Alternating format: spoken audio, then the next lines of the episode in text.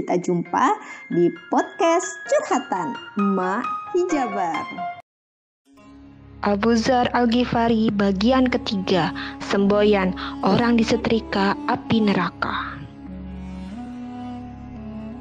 Setiap ia mendaki bukit, menuruni lembah, dan memasuki kota, ia berhadapan dengan para pembesar dengan kalimat, Beritakanlah kepada mereka para penumpuk harta yang menumpuk harta emas dan perak. Mereka akan disetrika dengan setrika api neraka, menyetrika kening dan pinggang mereka di hari kiamat. Begitupun setiap orang-orang melihat Abu Zar, mereka menyambutnya dengan ucapan, Beritakanlah kepada para penumpuk harta yang menumpuk harta emas dan perak. Mereka akan disetrika dengan setrika api neraka, menyetrika kening dan pinggang mereka di hari kiamat. Kalimat semboyan yang selalu diulang-ulangnya setiap waktu ini telah menjadi panji-panji suatu misi. Misi yang menjadi tekad dalam hidupnya. Karena ia telah melihat harta yang ditumpuk dan dimonopoli. Jabatan yang disalahgunakan untuk memupuk kekuatan dan meraup keuntungan ia menyaksikan bahwa cinta dunia telah merajalela. Abu Zar menunjuk sasaran yang pertama terhadap poros utama kekuasaan dan gudang raksasa kekayaan yaitu Syria. Di sana tempat bercokolnya Muawiyah bin Abi Sufyan yang memerintah wilayah yang paling subur, paling banyak hasil bumi dan paling kaya barang upetinya. Muawiyah telah memberikan dan membagi-bagikan harta tanpa perhitungan.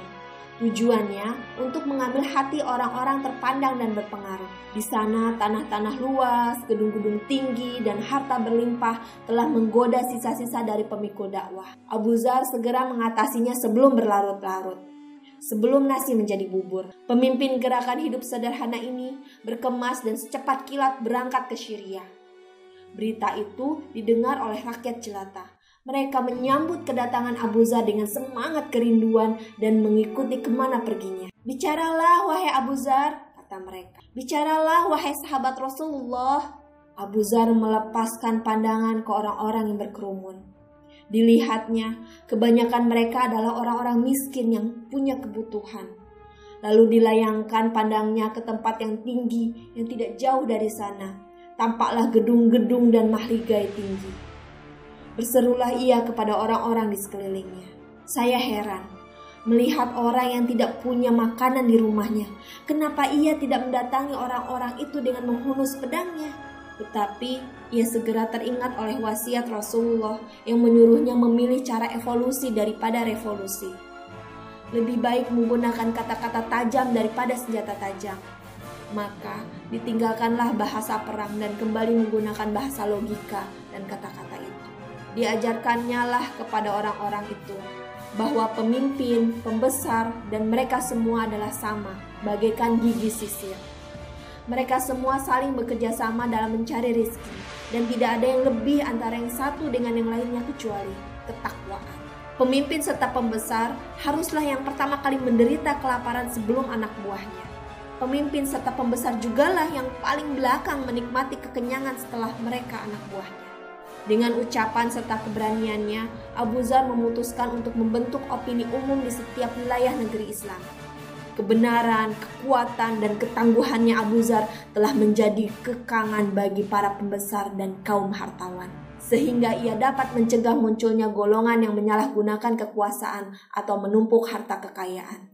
Dalam beberapa hari saja, daerah Syria berubah menjadi sel-sel lebah yang menemukan ratu lebah yang ditaati. Seandainya Abu Zan memberikan isyarat untuk memberontak, pastilah api pemberontakan akan berkobar. Tetapi niatnya hanya sebatas opini umum yang harus dihormati dan dijadikan buah bibir pada berbagai pertemuan, masjid, dan di jalan-jalan. Bahaya terhadap perbedaan itu mencapai puncaknya ketika ia berdialog dengan Muawiyah di hadapan umum. Dengan tidak merasa gentar, ia bertanya kepada Muawiyah tentang kekayaan sebelum dan setelah menjadi wali gubernur Syria mengenai rumah yang dihuninya di Mekah dulu dan mahligai-mahligai miliknya yang terdapat di Syria.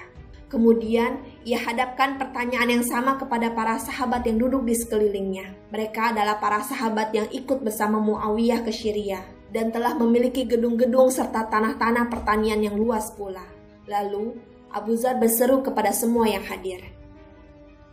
Apakah tuan-tuan yang sewaktu Quran diturunkan kepada Rasulullah, ia berada di lingkungan tuan-tuan? Jawaban pertanyaan itu dijawab sendiri oleh Abu Zar. Benar, kepada tuan-tuanlah Al-Quran diturunkan dan tuan-tuanlah yang telah mengalami sendiri berbagai peperangan. Tidakkah tuan-tuan jumpai dalam Al-Quran ayat ini? Bismillahirrahmanirrahim. Orang-orang yang menyimpan emas dan perak dan tidak menafkahkannya di jalan Allah, mereka akan menerima siksaan yang pedih, yaitu ketika emas dan perak dipanaskan dalam api neraka, lalu disetrikakan ke kening, pinggang, dan punggung mereka, sambil dikatakan, Nah, inilah dia yang kalian simpan untuk diri kalian itu, maka rasakan akibatnya. Terjemahan Quran Surat At-Taubah ayat 34-35 Muawiyah memotong pembicaraan. Ia berkata, ayat ini diturunkan kepada ahlul kitab. Tidak, seru Abu Zar. Bahkan, ia ayat diturunkan kepada kita dan kepada mereka. Abu Zar melanjutkan ucapannya dengan menasehati Muawiyah dan para bawahannya agar melepaskan gedung, tanah, serta harta kekayaan itu dan tidak menyimpannya untuk diri masing-masing kecuali sekedar keperluan sehari-hari. Berita tentang Abu Zar dan tanya jawab ini tersebar dari mulut ke mulut, dari orang ke orang yang banyak. Semboyannya semakin nyaring terdengar di rumah-rumah dan di jalan-jalan. Semboyan yang terkenal. Sampaikan kepada para penumpuk harta akan setrika-setrika api neraka. Muawiyah sadar akan bahaya dan cemas akibat ucapan tokoh ulung ini. Tetapi ia pun paham akan pengaruh dan kedudukannya sehingga tidak akan melakukan hal yang menyakitkannya. Segera dituliskannya surat kepada Khalifah Utsman. Ia mengatakan, Abu Zar telah merusak orang-orang Syria. Sebagai jawabannya, dukung podcast saya dengan cara apa, Ma? Like, comment, dan subscribe. Jangan lupa klik tombol loncengnya.